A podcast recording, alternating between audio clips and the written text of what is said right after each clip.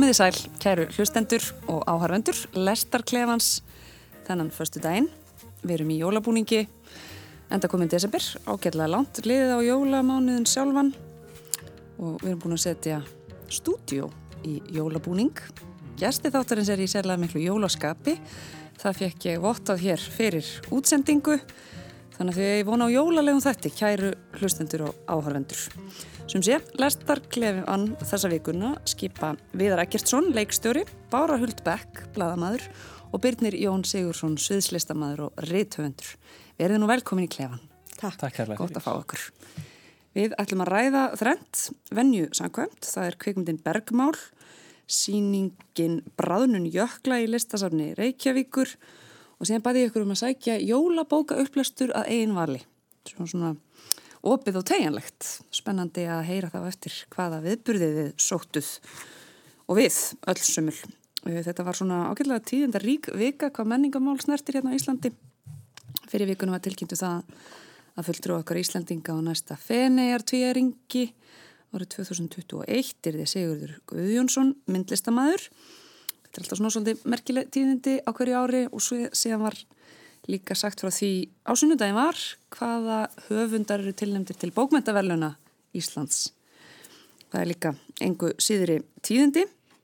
Þetta eru þrý flokkar, fræðibækur, barna og ungmennabækur og svo fagur bókmentirnar og ég baði ykkur aðeins að rýna í tilnefningarnar, það er auðvitað sínist sitt hverjum um þetta. Þessi mikla svona skalda þjóð sem við erum, eða allavega teljum okkur flesti vera að það var miklu að taka. Jólabókaflóðu er sérlega veglegt í ár og það var engin hörgull á útgáðu síðasta árið. Byrnir, Ritvöndur, hvernig mm. slóðu þessar tilnefningar þig? Varst þér að sangjarnar eða saknaður einhvers? Sko, slóðu mig bara vel, sko.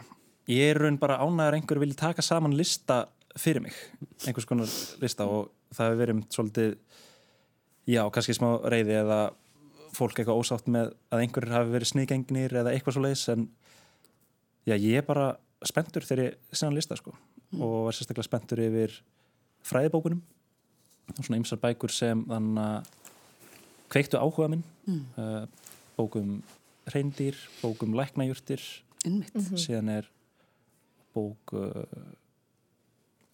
sem ég var mjög spenntur fyrir en Þetta er bókum gömlu leikarann gömleikarana. Já, rennum bara yfir þetta snöggast. Það eru stjórnur og stórveldi á leiksviðum Reykjavíkur eftir Jón Veði Jónsson, svo er það Lífgröss og Lendir Dómar sem þú nefnir. Já, og Sildarárin. Emitt. Sildarárin eftir Pál Baldvin, Baldunsson og Jakobína Sagaskalds og konu eftir Sigriði Kristínu Þorkninsdóttur og lókum er það Rendýrin. Það er Örafa Hjörðin, bók eftir Unni Byrnu Karlsdóttur. Uh, Bára Huld, hann nefnir að hann byrnir að, að það sé gott er einhver tekur saman lista fyrir mann heldur þetta að sé svona leiðandi einhverju leiti fyrir svona bókalestur þjóðarinnar, svona tilnefninga hópar tilkynningar? Já, einhver leiti að heiður var tilnefndur og mjög spennandi og skoða og ég segi það sama þetta er rosalega mikið að bókum sem eru núna að koma út fyrir jól mm. og uh, margar mjög spennandi þannig að þetta er ákveðsna vegvísir en það er kannski ágætt að hafa það í huga að, að þarna þráttur að séu bara fimm í hverjum flokki það er náttúrulega margar aðrar mjög góðar. Þannig að það kannski þráttur að maður noti hann að lista til, til viðmiðunar þá komið góður, maður nú, skal nú kíkja líka í kringu sig. Já, Þetta ekki verið útilókandi Viðar, þú sast sjálfur eins og í domnum þessa veluna? Já, ég var eins og í þrjú ári rauð þannig að ég þetti svolítið það að að lesa 70 bækur á, á tveimum mánuðum. Og svo þurfti þá, vegna þá var, voru barna og ungmennabækurnar inn í sama flokki og fagbókmyndir mm. sem betur verið búið að, að bróta þetta upp í tvo flokka. Og maður veit svolítið svona hvað, hvað gerist í svona domnendum allavega til stíftil sem að ég var þá Já, þetta var kannski, það voru tvær, þrjár bækur sem að þryggja manna domnendi var algjörlega samanlega um að setja á lista. Og svo voru kannski 7-8 aðra bækur sem slóðust um hinn þrjú sætin mm. og það var mjög erfitt og bara sárt að, að hafa bara fimm sæti þegar eru tíu bækur sem maður vil endilega setja á þennan lista. Mm. Þannig að maður veit alveg að það munar mjög litlu að einhver önnur bók sé á listan og einn pari út. Þannig að þetta, og sérstaklega eins og maður sér útgáfuna núna í ár og núna þessu hösti og vísu útgáfan að dreifast yfir árið sem betur fer. En ótrúlega mikið núna rétt fyrir jóli með að við hvað kemur þó mikið út af bókum á öðrum tímum. Að það er, mér finnst þetta að vera mjög flott bókajól, mjög flott og ég, sko auðvitað, ég hefði alveg viljað sjá bók eins og um tíman og vatnið eftir Andras Næ Magnarsson á þessum lista en þetta er auðvitað bók sem að hún, mér stilst hún hafi verið send í, útgefundur ráða í hvaða flokk þeir senda að bækurnar og vantarlega þá í samráði við höfunda og hún hefur verið send í flokkinu fræðibækur. Hún er fræðibók öðrum þræði en hún er líka skáldverk og alveg óbúslega pallið skáldverk. Þetta er, þetta er svo sterk bók að ég þurfti að stoppa stundum þegar ég var að lesa hana því að bara ég begði af. Ég bara megnaði ekki sko að fá þetta yfir mig og hann setur hann í svo fallitt samhengi við fjölskylduna og söguna mm. og framtíðina og þetta er mjög pallið að skrifa bók en, en hún ákannst ekki hvorki heima í flotti fræðibókan nýja fag, fagubókmynda, hún lendir veginn á milli Já. Og þetta er alveg svona, hún lætti bara vel í sér flotti Það aðtönglega, hún var ekki Já, það en, margir sem að en, veist, þú getur eftir sagt nefn hafa lesið alla bækurnar sem komu út hvaða bækur ættu að heima prekar og listar með aðrar. Mm. Þú hefur eitthvað leiði til þess sem að hafa lesið allar og ég hef lesið fáar af þessum bókum sem eru á listunum. Mm. Það er einn bók sem ég held mikið upp á sem er á listarmi yfir pagur bókmyndir, það er Svínsöfuð. Mm. Bergþóru Snæbjörnsdóttur. Já, algjörlega frábær bók og alveg hreint ótrúlegt að þessi bók skulle vera fyrsta skaldsaga höfundar. Mm -hmm. Hún hefur áður bara tjátegli fyrir ljóð og ljóðabók eins og Florida sem var tilnæmt fyrir. En þetta er sko eins og hún er skrifið þessu bók það, þá hugsa maður þessi mannistja hún hefur ekki gert annað þess að stuttu æfið sín annað en að skrifa frábær skaldverk. Mm. Svo við gerum öðrum flokkum líka skil, þá vil ég lesa upp einmitt í þeim flokki fagbókmyndana, þá er það Auk Bergþóru Bræði Ólafsson Eh, með stöðu pundsins, Guðrun Efa Mínarudóttir með aðferði til að lifa af, Sölvi Björn Sigursson með Selta, Apokrífa úr æfi landlæknis og svo Steinun Sigurudóttir með lögabók sína Dimmumót. Má ég kannski bæta við að við vorum að tala um svona bók sem pellur á milli flokka eila og erfitt að þetta er líka svona bók sem ég er búin að lesa sem er til Pétur Gunnarsson HKL Ástasaga sem að byggir á heimildum en er líka Pétur Gunnarsson að skrifa út frá eigin brjósti og hjarta. Og það er svona bók sem ég myndi líka eiga í erfileikum með að setja í annarkot flokkin mm -hmm. og það er erfitt fyrir svona bækur að teppa á fullu á móti öðrum mm -hmm. sem eru alveg algjörlega skáldsögur eða algjörlega mm -hmm. fræðibækur. Það er kannski bara fjóruða flokkin Það vantar næstu fjóruða flokkin En ég held líka að þessi pyrringur sést kannski svolítið út af því að Andersson er svolítið að ráðast á bara stærsta umfjöldunaröfni samtímans. Mm. og gerir það svona miklum krafti og mikillir ansóknarvinnu og miklu hjarta. Og miklu hjarta og þess vegna kannski er kannski fólk smá sárt yfir að það fá ekki sett, þann heiður skilin að mm. vera tilnæmt Ég held sko en, bara þessi umræða sem verður um tilnæmningar og verður um bókinans andra að hún er ekki tilnæmt mm -hmm. að það er í sjálfu sér vinningur fyrir alla það bækur sem hefur verið nefndar og ættu kannski að vera mm. Það minnst að aðtegla á henni vaki Já, já það fara miklu meiri umræðuna fyrir vikið og... mm. Svo er það þriðiflokkurinn barna og ungmennabækur, það er nærbúsna njósnarnir eftir Ardísi Þorrensdóttur Lang elstur að eilífu eftir Bergrónu Írisi Sævarsdóttur Nordnin eftir Hildi Knútsdóttur Egil Spámaður eftir Lani Yamamoto og Kjarval Málanin sem fór sína eigin leiðir eftir Margréti Tryggvadóttur Saknar þú einhvers af þessum velunapalli bara? Uh, ég sko, ég er ekkert, bara eins og ég viðkynna það, ég er ekkert sérstaklega mikið inn í barnabókmyndum mm -hmm. en það er uh, svakalega mikilvægt náttúrulega fyrir Íslands samfélag að þær sé að styrkjast svona mikið núna, þessi flokkur. Mm. En ég veit að ég áttur svon, ég ætti allavega að kaupa kjærval, það er svona eina sem ég veit að ég, þessa bók ætla ég að fá fyrir hann. Ég vona sér ekki að hlusta út að ég ætla að gefa hann mitt í jólgjum. Ég ætla að gefa fullsóttum fólki kjærval. Já, það mitt. Já, Já, gaman að heyra að þessi erlend þýðing inn á þessum lista, já Lani Yamamoto. Já, já, hún er íslitingur. Hún er íslendingur. Já, já, hún býr á Íslandi. Þetta er önnur að þriða bókinina, alveg einstakur höfundur sem að að bæði myndirnar og textin er alveg í jafnvægi og það er ótrúlega flott saga og það sem að vekur kannski aðtekli núna og er kannski nýjast við þess að þrjá lista er að það er algjörlega meiri hluti konur Já. Á öllum listarum. Það er bara kvænkirriðtöndar í þessum flokki. Já, þannig að ég spái að það fái kona allavegna velun í batna og ungmennaflokkinu. Einmitt. Ég byrðist ásökunar á þessu, ég bara vissi ekki ég. Nei, Þetta er djörf spá hjá þér. Þetta er djörfspá svona, og það eru 60% líkur í hinnum flokkonum. Ræsum já. veðbankana. Heyrðu, nógum bókmyndaverluna tilnefningarnar, við skulum færa okkur yfir í efnin okkur þrjú. Við ætlum að hefast handa við kvikmyndina Bergmál sem að Rúnar Rúnarsson leikstýri sem að einnig stýriði myndinni síðasti bærin í Dalnum sem var mikil kvikmyndaperla fyrst mér í það minnsta. Þetta er svolítið sérstæð mynd hvað formir, formið snertir, þetta er rauninni smásögur. 59 senur held ég að það séu sem sína brot úr daglegu lífi Íslendinga. Efnisvið er mjög breytt og mikið þegar eru fjölbreyttar þessar senur, alveg gefnar sorglegar, hlægilegar og allt þar á milli. Og ótal margir leikarar uh, sem að taka þátt og margir sem þarna koma við sögu. Þetta lýsir svona kannski íslenskum samtíma á einhvern hátt. Um, hressandi nýtt form, allavega einhverra mati. Hvað varst þér, Birnir? Já, mér varst formið alveg indislegt, sko.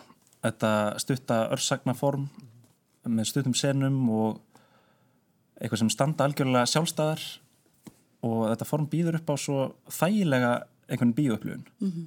Þú veist, maður þarf ekki að hengja sig á einhvern sögu þráða sem maður finnst svona mistrúverður eða eitthvað svo leiðis, heldur ef maður lendir í því í einhverju senu, þá getur maður bara beðið í smástund, fengið næsta atrið og já, það var einhvern veginn svo skemmtilegt hvað einhvern svona áttin var oft skýr en síðan tók smá svona snúning á hana Óvant að beigja. já, eins og þannig að það er atriða sem Fríkir Einarsson, hann leikari er að borða kvöldmatt mm -hmm. jóla kvöldmattin með bara útvarpið í gangi á sjónvarpinu og örbylgjumatt sem maður hugsaður, já, þetta er alveg hámark einmannleikans og eitthvað svona deyðarinnar, en síðan er hann bara kampakátur og er hlæjandi og í góðu stuði. Þannig að það er tekin einhver svona snúningur á það sem að held að væri verið að fara að segja. Hún gerist í aðdraganda jóla þessi mynd. Það er svona kannski sammeðinlega þráðurinn í gegnum sennurnar sem annars er eiginlega ekki til staðar. Það er eiginlega lítið skilt hvort við aðra, flestar í það minnsta. Og kannski svona eitt af því sem að vækti aðtegli er að þarna er ekki nótast við þekta leikara að miklu leiti. Allavega langt flestir þarna eru bara svona hluti almennings, bara Íslendingar af öllum stærðum og gerðum sem að var svona kannski vakti aðtegli allavega einhverju leiti þann mm. sér um að skipa í hlutverk Vigfús Þormar Gunnarsson og mér fannst því það minnst að svona þeim típu bálki sem er íslenska þjóðin gerð góð skil, hvað varst þér bara? Já, ég sammála mjög, mjög gaman að höra þessu mynd. Ég hérna uh, fór á hana með kærstan mín sem er bókmyndafræðingur og mjög gott að tala um hann eftir. Mm. og hérna út af því að þetta er svona típisk mynd sem að uh, maður þarf einhvern veginn að deila með einhverjum. Já, þetta er svona mannst eftir þessu? Já, mannst eftir þessu, með leið pínu eftir eins og ég hef verið að horfa á skaupið þegar maður er að rifja upp mm. áramáttu skaupið eftir með fjölskyldinu og vinum. Og ég hugsa, ég ætla að sjá þessa mynd aftur. Þetta, mér reynda fannst mjög mikilvægt að sjá hann í bíó.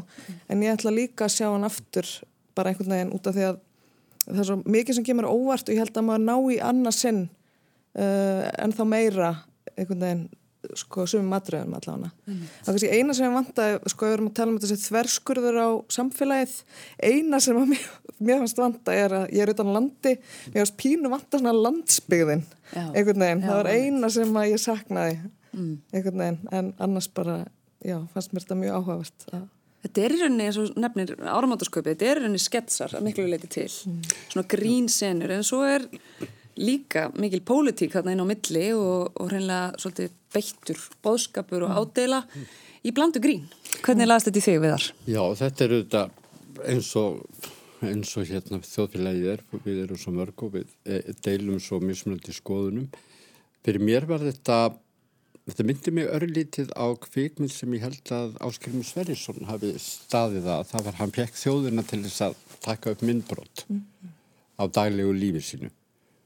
Og svo var það sett saman. En það var svona meira amatör upptökur og mjög stemtileg tilröðin þarna gengur húnar miklu lengra, hann skrifar senurnar og útbyrðar og hann þræðir. Þetta er svona perlur sem hann þræðir upp á þráð.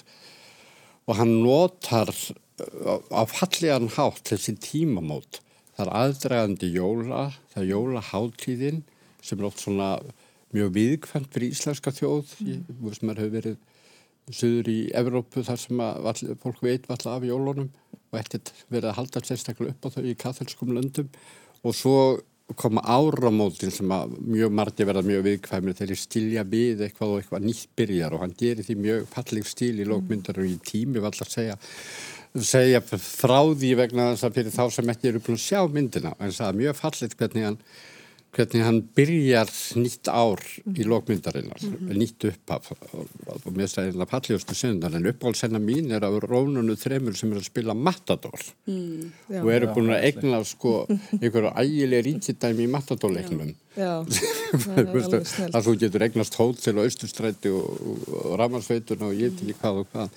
En ég var fegin að fá að sjá mynd eftir rúnar. Hann, hann er ekki kannski mjög afkasta mikill hann er ekki, ekki kvimt að gera maður sem, a, sem er að gera mjög svona kommersial myndir eða mm. slíka myndir hann, ég, ég sett hann í blokk með Kristínu Jóhannesdóttur mm. fyrir mér eru þau bæði kvikmyndaskáld sem gera óbáslega, pallegar, persónlega myndir og mér er alveg óglimalega þessi stuttmynd sem myndist á sem að Rúna gerði áður en hann fór í kvipmyndanám mm -hmm. sem var síðast í bærin mm -hmm. sem er bara einhver eftirminnilegasta stuttmynd sem hefur gerðið af íslenskum kvipmyndan gerða manni ef hættir að segja að hann hafi verið það á þenn tíma og það er tilnefningu til Óskarsvelununa fyrir þá mynd per síðan og sætjur um í danska kvipmyndaskólunum og þeir bara segja við hann þegar hann kemur, nei þú feg bara þriði ár og hann segi nei takk, ég vil fara í gegnum hans námið. Mm.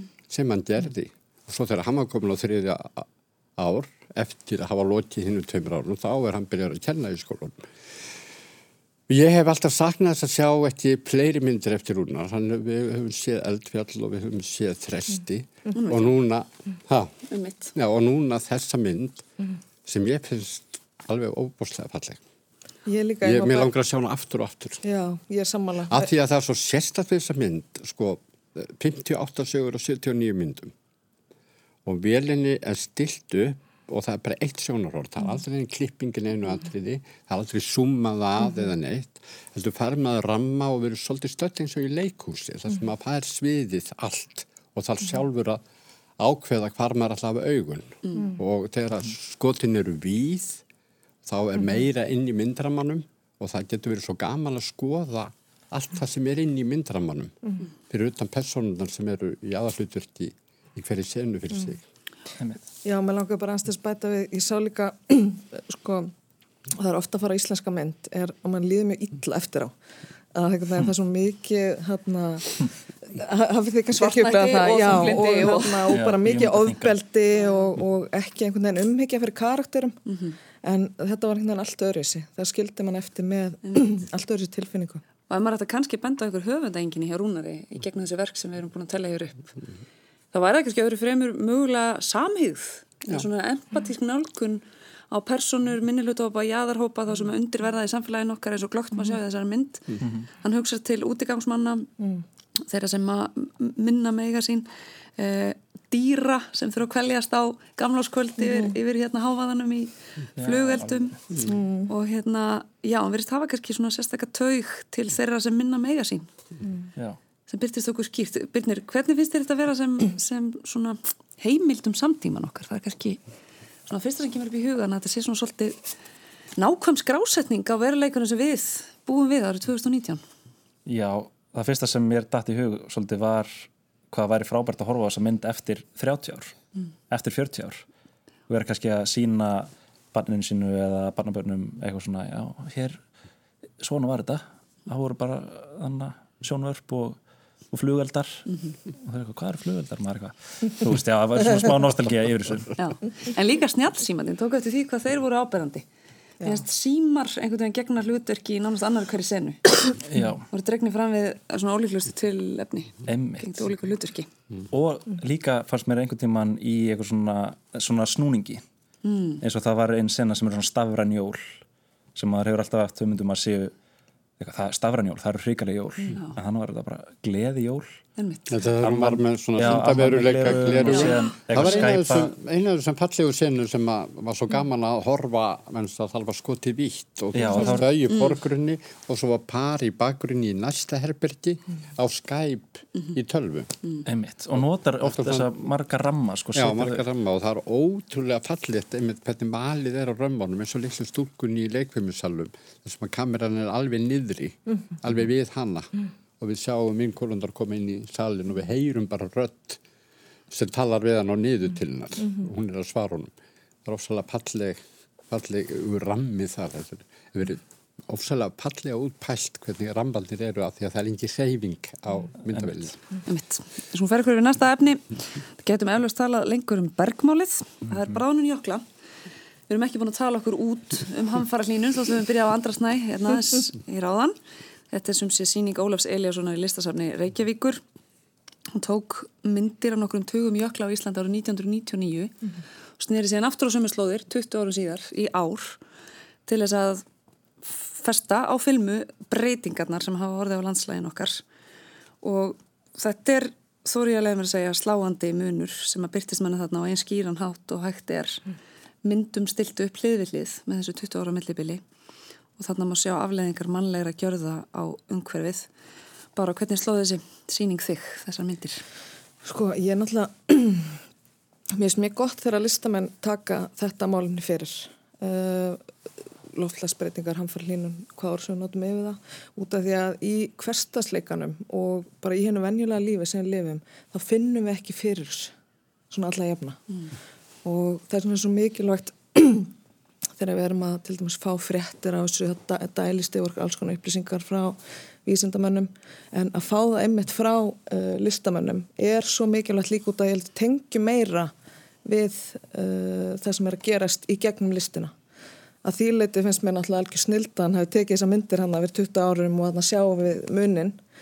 Uh, það er engin texti við neitt. Það er bara myndirnar og það er bara tala sínu máli. Það er ekkert verið að tróða neinu onni okkur, við eigum bara að draga okkur eigin álíktanir uh, sérst, á síningunni sjálfri sem ég finnst bara mjög gott. Og uh, þá vekur þetta þau hughrif sem að þau vantilega ættu að uh, vekja. Uh, ég hefði kannski persónlega vilja hafa myndina stærri út af þetta er svo mikilfenglegt uh, landslag að þarna það hefði kannski verið áhugavert sko.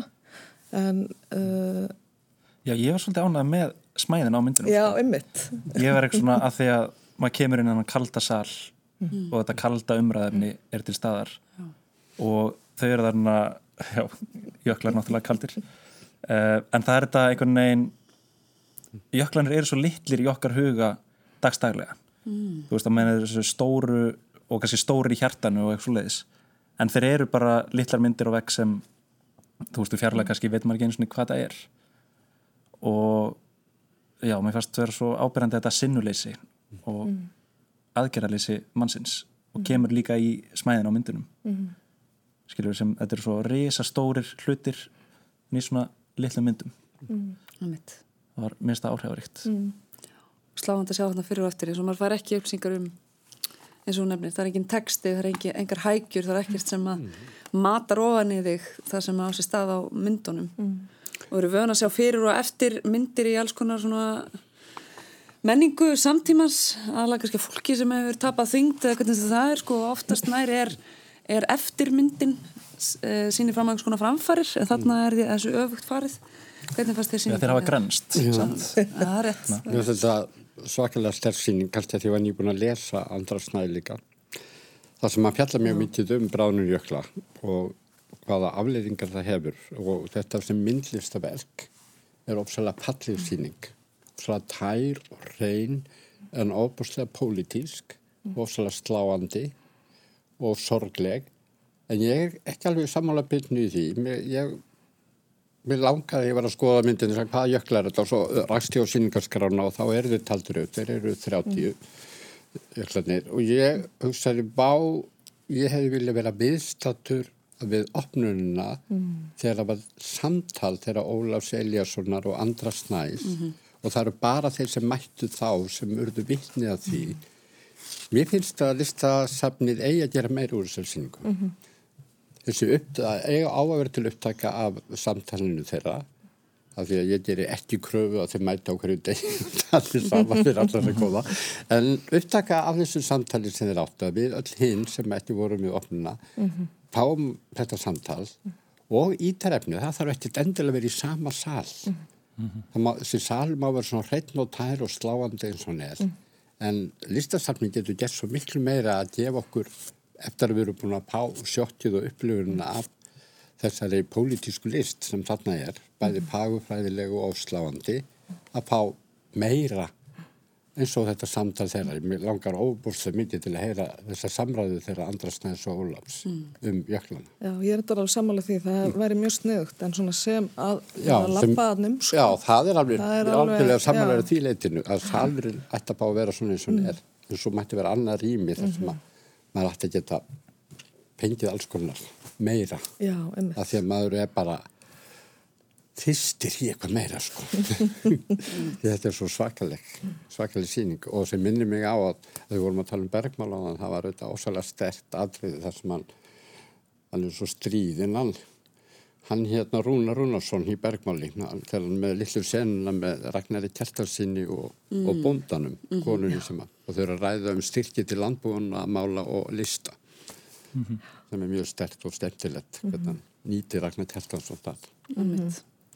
Já, þetta er sláandi veruleiki sem þetta byrtist manni og eitt af því sem að Andri Snær sæði nú við opnunina var að þetta er efniviður sem ætti ekki að vera aðgengilegur listamennum. Það er að segja listamenn ætti ekki að geta gert svona list. Og átti ekki að geta séð svona drastíska breytingu á landslægi á náttúrunni sjálfri á svona skömmum tíma. Já, það er líka engar ígjur Þetta er bara, þetta er bara svona engi Photoshop Nei. það er engin sturl- listamanns og það er náttúrulega þingri en tárun taki að velta því fyrir sér. Það er kannski svona svolítið tilfinningi sem að hellist yfir mann. Þetta er hverfandi landslag og við, við grípum ekki til aðgerða hefði snarasta og þá fer þetta illa. Og vonandi líka að viðtakendur þessara síningar nýti þennan innblástur og kannski tilfinningarlega uppnámið sem maður kemst í til þess að fara út og njóta náttúrunar og skoða þessa jökla og komast í snertingu við það áður en þeir hverfa með öllu.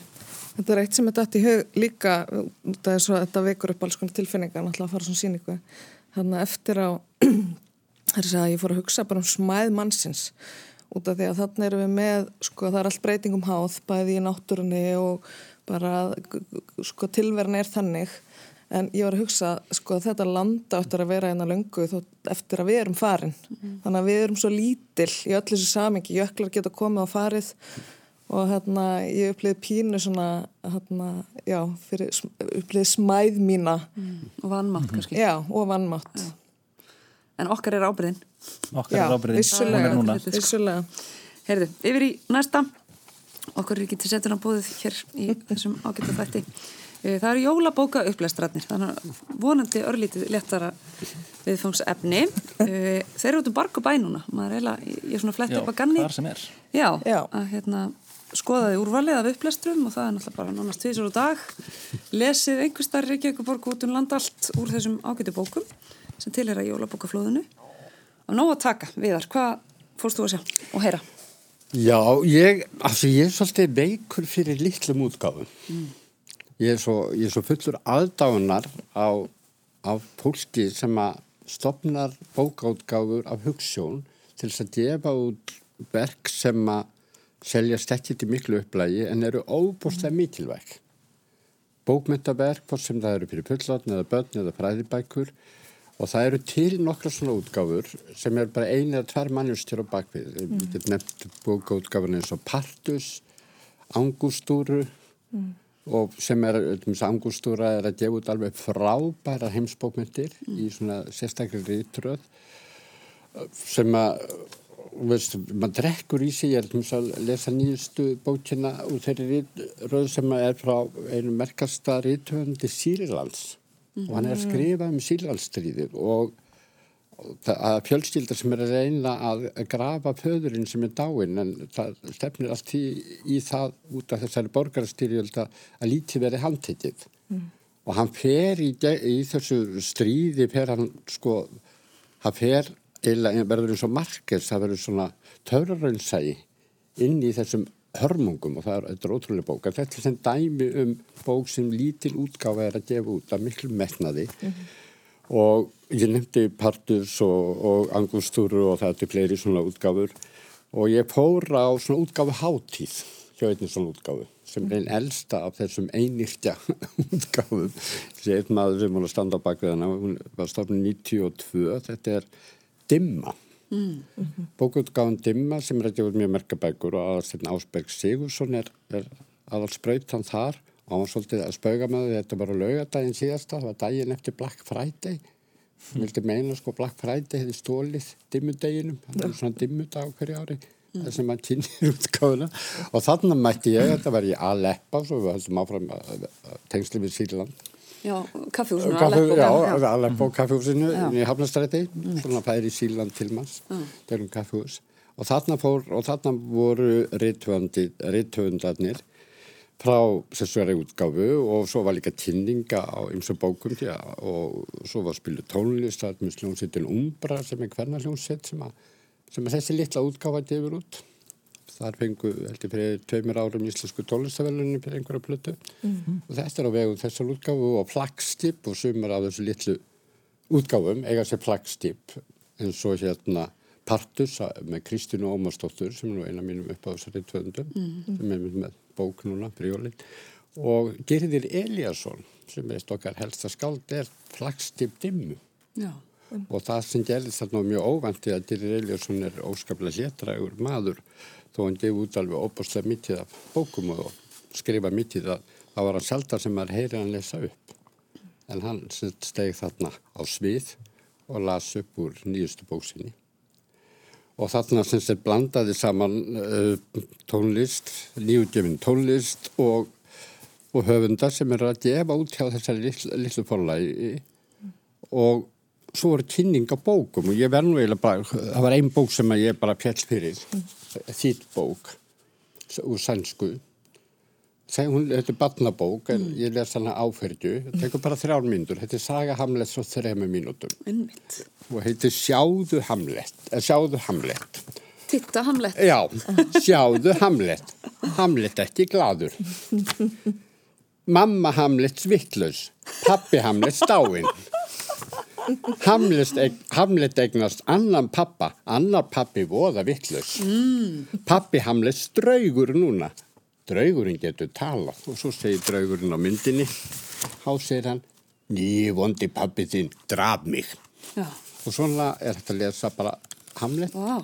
og mér langar ég allan sexbíl svona. Ég ætla að segja kjörnum á. Ríkar þriðja bara í svona þrejum mínutum að þetta er bara kjarnað niður. Já, oft hefur það gátt í erfileikum með að stitta sexbíl en þannig er það gert bara fullum kraftum fullum kraftum alveg óborganlega myndum. Og þetta Þetta er svona bók sem er lítil útgáfa er að gefa út af miklu metnaði Einmitt. og það er svo gaman og ég hef ekkert á móti stóru útgáfa mm. ég er bara veikur fyrir svona einirkjum einhverju fólki sem sko, leggur allt í og alla peningarna sín í þegar gefa eitthvað sem allar stíla neinum marði mm. það, það metnaður og fallegt Mjög gott Þá hoppum við yfir í næsta upplustur Birnir Jón, hvað fórst þú að sjá? Já, herði, ég fór á Vínpörun á tíu sopum no. það sem var para saman skáld og náttúruvín mm. í einhvers konar allserjar vöru kynningu það, sem, það voru fjögur skáld sem lása upp úr bókun sínum sem voru Auður Jóns, Bræi Ólafs uh, Dóri Díana og Fríða Ísberg uh, og það var bara æðislegt sko. mm, og bara mjög mikið af fólki þetta er náttúrulega lítil staður sko. mm -hmm. og ég fekk náttúrulega bara innilókunankend þegar kom inn í þannig að ég satt við svona barstól við svona lítið borð já. og það bara þjappaðist inn af fólki já. og bara þrengdi að mm. og já þessi vín voru bara góð Pastur þau passa við skáldi? Já, passuðu, það var náttúrulega uh, vín sem var tilnæmt til verðluna þegar Bræ Ólafs var að lesa því hann er nú tilnæmdur til uh, bókmæntverlununa mm. þannig að Bræ Ólafs var uppáhaldsvínu mitt uh, Fríða Ísberg þar í öðru sæti sko. Já, og bara ótrúlega skemmtileg leið til þess að njóta upplestrar. Einmitt. og þú veist og mér leiði svolítið þess að þetta væru er að tveir mismunandi tímar þú veist það sem var svona annar gamall franskur bóhem tími inn á einhverjum vínstofu sem allir voru að drekka einhver rauðvín og hlusta á einhver að lesa úr bókum. Og síðan er eitthvað svona neyslu trans og einhver svona neyslu helgi fyrir utan sem fólk á hopp, raf hlaupahjólum er á leiðinni í einhverja útsölu eða hvað það er einmitt. bandari skjólalög, ómað public house hinn með og já, en bara glæsilegt sko En Ég bara, hvernig slóu bækurna sem þannig lágu til grundvallar þig? Er það ykkur? þær sko, þær hendu fyrst, fannst mér misvel til upplestrar Mm. það sem En er til svo, drykju. já, við drykju En til drykju. já, vel til drykju Já. náttúru víns drykju og eins og já það er náttúrulega skildmennin Dóri og Auður. Einmitt. Eh, Fransískinin.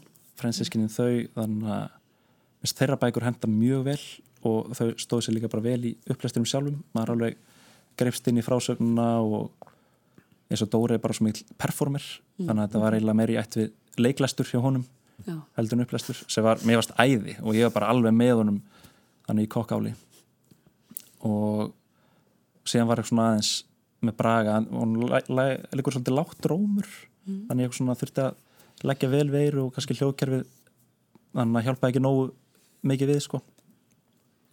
Og síðan að hlusta á ljóð er náttúrulega mér finnst það bara æðislegt sko. Einmitt. og fríða bara svona vel eitthvað svona mótuljóð og bara vel lesið. Og einhvern veginn að hlusta á ljóð og drekka rauðvín er náttúrulega klísja en æði, Klísa sem gengur upp. klísja sem gengur upp Já. 100% sko.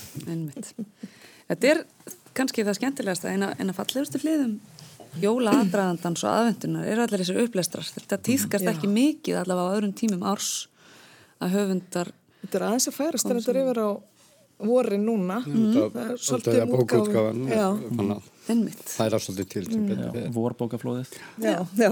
Ég bendi ekki hérna fólki á sko sem er að kvarti yfir því að hafi ekki efna að fara í menningaviðburði.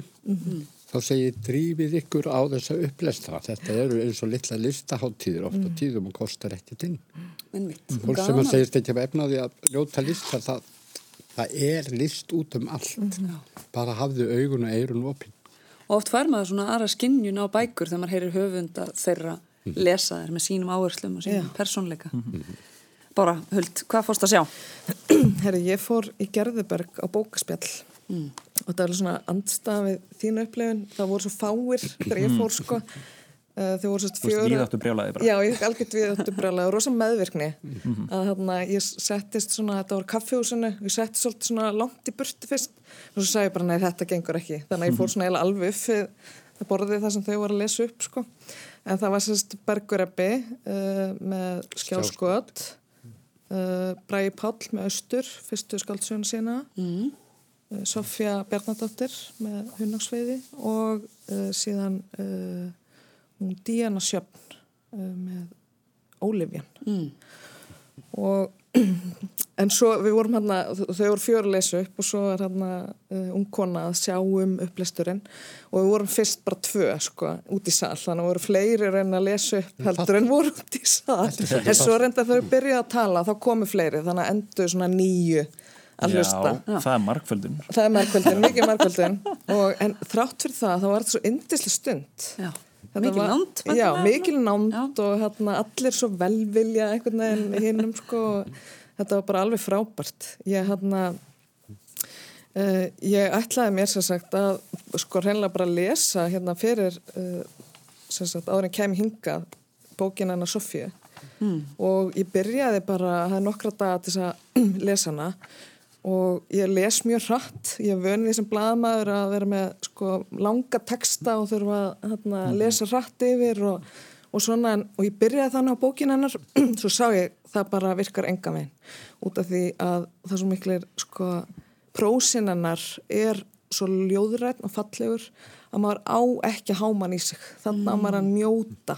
Smjatta svolítið vel á þessu. Algjörlega, þannig að ég tók bara ákveður nei, þessa bók ætla ég ekki að hraðlesa. Mm. út af því að hérna, hún er svo þetta er svo fallegu texti og þannig á maður einmitt að gefa sér tíma og einhvern veginn uh, leifa prósan maður njóta sér þannig. Einmitt Já, þannig að ég, ég segja það sama, mér finnst gaman að sjá höfunda, mér finnst indislega þessi höfunda að lesa upp. Þetta er líka, sko, það er svo mikið væntumþykja í uh, loftin einhvern veginn út af því að þetta er náttúrulega, það er rosalega mikið mála að gefa út bók. Mm -hmm.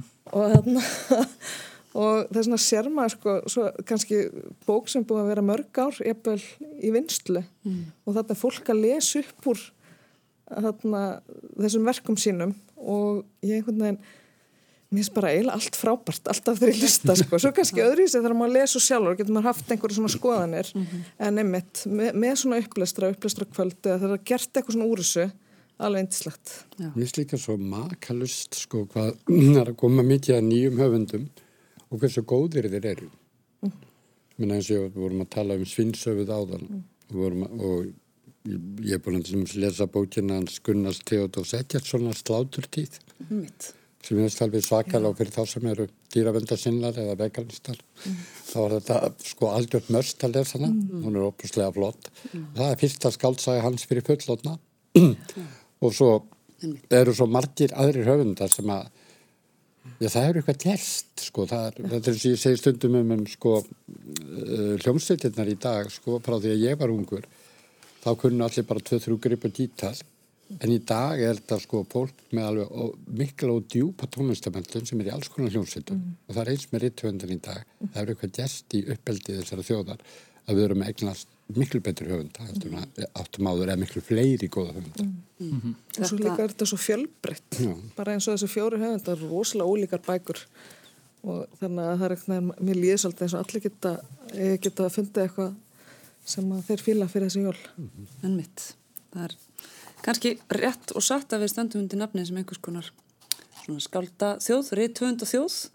Það allavega er, er bjart framöndan fyrir mína parta, ég fór á hérna minn upplestur, mm -hmm. það var svona kannski svolítið tilbriði við þessa jólabóku upplestra að því ég fór á uh, stofuna kaffihús þar sem meistarnemar í reyðlist deldu ljóðum sínum sem þau hafa samið í vetur undir handleiðslu Steinuna Sigurðardóttur mm. reytvendar. Þetta voru 20 meistaranemundur sem að stóðu þarna upp og lásu ljóð sín upp á sviði og þetta var óskaplega skemmtilegt og áhugavert og áhrifða mikið fannst mér og þessi 20 höfundar, jafn ólíkir og þeir voru margir og þeirra höfundar öll nú þegar sterk sterk persón enginn á hverjum einum það sem Steinu gerði var að þjálfaðu lítið eitt, hún fekk hérna, skilst mér e, söngkennara e, að því með minnir til þess að aðeins að þjálfa þau örlítið í svona framsögn og rattbeiting og það heldur betur borgaði sig.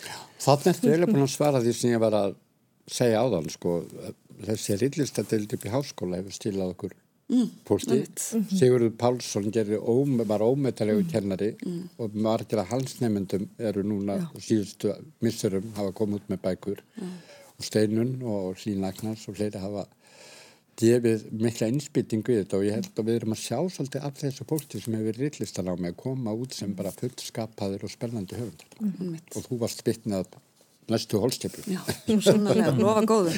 lofa góður. Og oft er svona rættum framtíð íslenskunnar á svolítum hamfara og svartsýnisnótum fyrst mér en það sem byrstist mér allavega í, í gerðkvöldi var heldur betur Björn framtíð hvað það snerti, það var svo ríkulegt og auðugt, svona fjölskróðu tungumál sem ég fekk að heyra, frumlega nýrað smíði og þarfandi göttum. Mm -hmm.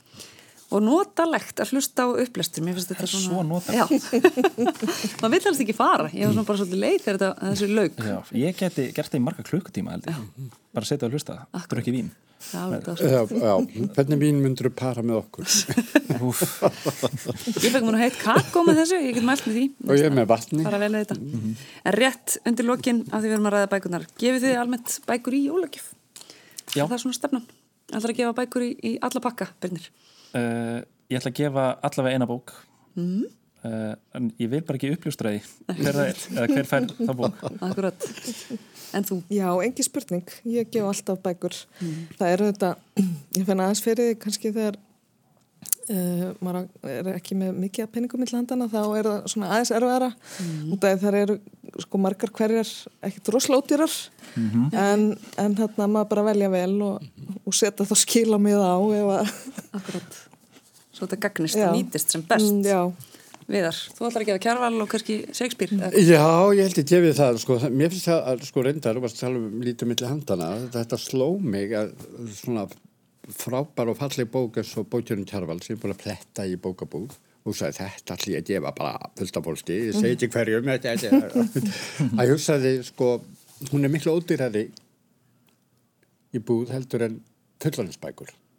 já, Þess vegna. Það er jafn mikil vinna fyrir höfundin að skrifa hana eins og hann er að skrifa fullaninsbók. Það er jafn mikil prentkostnaður eins og að prenta fullaninsbók. Það er, ég kosta jafn mikil auðlarsana eins og fullaninsbækur. Einmitt. Það er einhver sem ber skarðan hlut að borði og ég er mig grunna þessi höfundur. Þetta er góða punktur. Áhugavert. Já, þannig að ég er svolítið hvort ég að borga sko kannski að leggja inn á reikning hjá höfundinu með hverju bók. Auka framlega til baka Af því þetta. að, að því að Tjarval svo ódýr og, og líka Hamlet sem ég var að lesa upp já, á- áhugavert sem að ég hlakka mikið til að gefa fullunni fólki þessa bækur. Einmitt. Þá er þessi lestarferð lokið þennan fyrstu daginn. Ég vil þakka ykkur kærlega fyrir komuna á þetta jólalega spjall Viðar Eggertsson leikstjóri, Birnir Jón Sigursson, sviðslistamæður og rítvöndur og Bára Huld Beck, bladamæður. Takk fyrir okkur, góða helgi. Takk